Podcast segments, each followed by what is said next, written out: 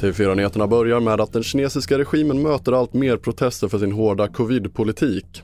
Nolltoleranspolitiken förde med sig att minst tio personer dog i en brand i Urumqi då boende i det utsatta huset hade stängts in i sina lägenheter enligt uppgifter som sprids. Ansvariga nekar dock till anklagelserna och säger att det inte fanns några hinder i byggnaden. Vi fortsätter med att skarp kritik riktas mot Tidöavtalets lagförslag som säger att anställda inom kommuner och myndigheter ska rapportera människor utan uppehållstillstånd till polisen och Migrationsverket. Bland annat lärare, bibliotekarier och socialsekreterare anser inte att det är deras jobb att vara en förlängd arm till polisen. Jag tänker utifrån bibliotekslagen och paragraf 2, där står det att biblioteksverksamhet ska vara tillgänglig för alla. Så där tycker jag att det här krockar.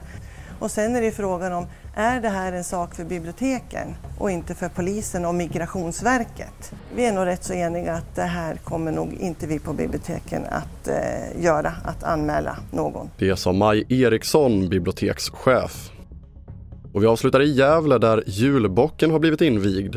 Och oavsett vad man tycker så är den kanske främst förknippad med att den brinner ner före julafton. De senaste åren har bocken behandlats med flamskyddsmedel och den övervakas av kameror och vakter för att stoppa eldattacker men fortfarande händer det att bocken förstörs. Senaste hände var förra året.